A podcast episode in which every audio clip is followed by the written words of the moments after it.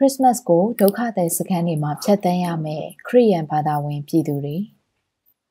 မြန်မာနိုင်ငံမှာတိုင်းသားလူမျိုးတွေအနက်တချို့ကခရိယန်ဘာသာဝင်တွေဖြစ်ပါတယ်။ကချင်၊ကယား၊ချင်းနဲ့ကရင်ပြည်နယ်တွေမှာနေထိုင်ကြသူအများအပြားကခရိယန်ဘာသာဝင်တွေဖြစ်ကြပါတယ်။ခရိယန်ဘာသာဝင်တွေအဖို့ ခရစ်စမတ်အခါသမယဟာတစ်နှစ်တာလုံးမှာဘာသာရေးအရာတန်မိုးအထားရဆုံးအခါသမယဖြစ်ပြီးအဲ့ဒီလိုအခါသမယမှာမိသားစုဝင်တွေစုံတွေ့ကြတာလည်းဖြစ်ပါတယ်။ကချင်ပြည်နယ်မှာဆယ်စုနှစ်ချီရက်ဆိုင်နေခဲ့တဲ့တိုက်ပွဲတွေ2011ခုနှစ်ဇွန်လကပြန်လည်စတင်လိုက်ပြီးတဲ့နောက်ကချင်ပြည်နယ်နယ်စပ်တွေနဲ့မြို့တွေပေါ်မှာစစ်ပေးရှောင်စခန်းတွေစတင်ထွက်ပေါ်လာခဲ့တာအခုဆိုရင်ဆယ်စုနှစ်တခုရှိနေပြီဖြစ်ပါတယ်။ ဒုက္ခသည်စကန်ကခရိယန်ဘာသာဝင်တွေအဖို့ခရစ်စမတ်ကိုမိမိတို့နေအိမ်မဟုတ်တဲ့ဆေဘေပတ်လည်လိုအခန်းလေးတွေရွက်ဖြင့်တဲလိုနေရာတွေမှာဖြတ်တန်းခဲ့ကြရတာအခုဆိုဆယ်စုနှစ်ကိုကျော်လွန်ခဲ့ပြီဖြစ်ပါတယ်။မြကြီးနားမြို့ပေါ်ကဒုက္ခသည်စခန်းလိုမျိုးနမ်ခမ်းမြို့နယ်တွေကမန်ဝင်းကြီးကဒုက္ခသည်စခန်းအစရှိတဲ့ဒုက္ခသည်စခန်းကခရိယန်ဘာသာဝင်တွေအမျိုးမျိုးသောလူမျိုးစုတွေအဖို့ခရစ်စမတ်ကာလာတိုင်းမှာ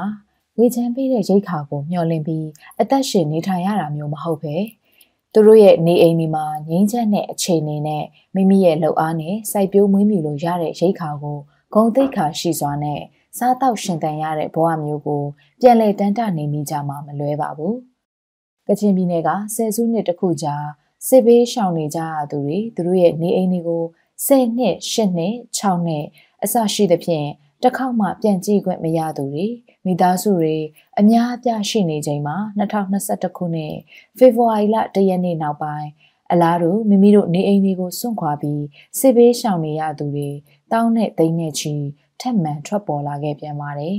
။ကယားပြည်နယ်မှာစစ်ဘေးရှောင်နေရသူတွေတောင်းနဲ့ချီရှိသလိုချင်းပြည်နယ်မှာလည်းတောင်းငနန်းသိန်းငနန်းချီရှိလာနေပါပြီ။ကယားပြည်နယ်ကတိုင်းသားအများစုကခရီးယန်ဘာသာဝင်တွေဖြစ်ကြပြီး လွိုက်ကောဒီမော့ဆိုနဲ့ဖားဆောင်အစရှိတဲ့ဒေသတွေမှာနေထိုင်ကြသလို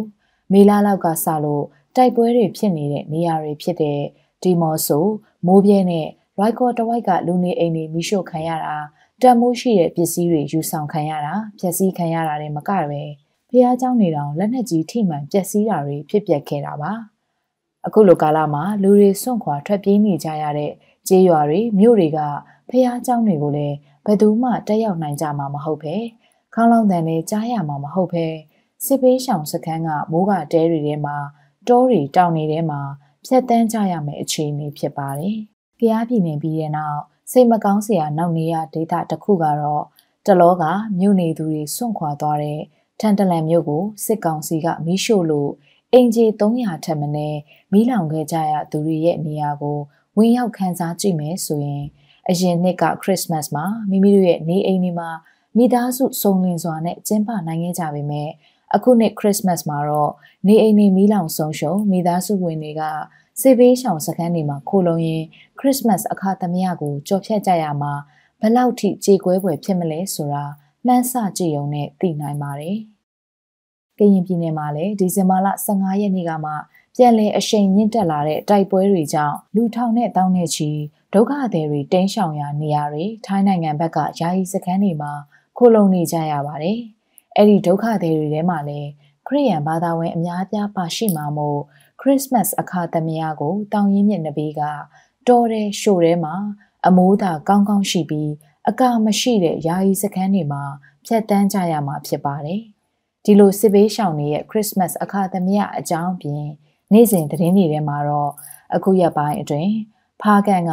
ဒုတိယအကြိမ်မြေစာပုံပြိုကျတဲ့သတင်းဖြစ်ပါတယ်။အခုတစ်ကြိမ်ပြိုကျမှာတော့လူ90ကနေ80ကျော်အထိပါသွားနိုင်တယ်လို့ခံမှန်းပြောဆိုနေကြပြီးဒီဇင်ဘာလ22ရက်နေ့ညနေအထိတော့တေဆုံးသူရုပ်လောင်းတလောင်းသာဆယ်ယူရရှိသေးတယ်လို့ဆိုပါတယ်။ဖားကန်ဟာမြန်မာနိုင်ငံရဲ့တယံဇာတကျင်းစာလို့တချို့ကဆိုကြပါတယ်။ပညာရေးနဲ့ကုန်ထုတ်လုပ်မှုနဲ့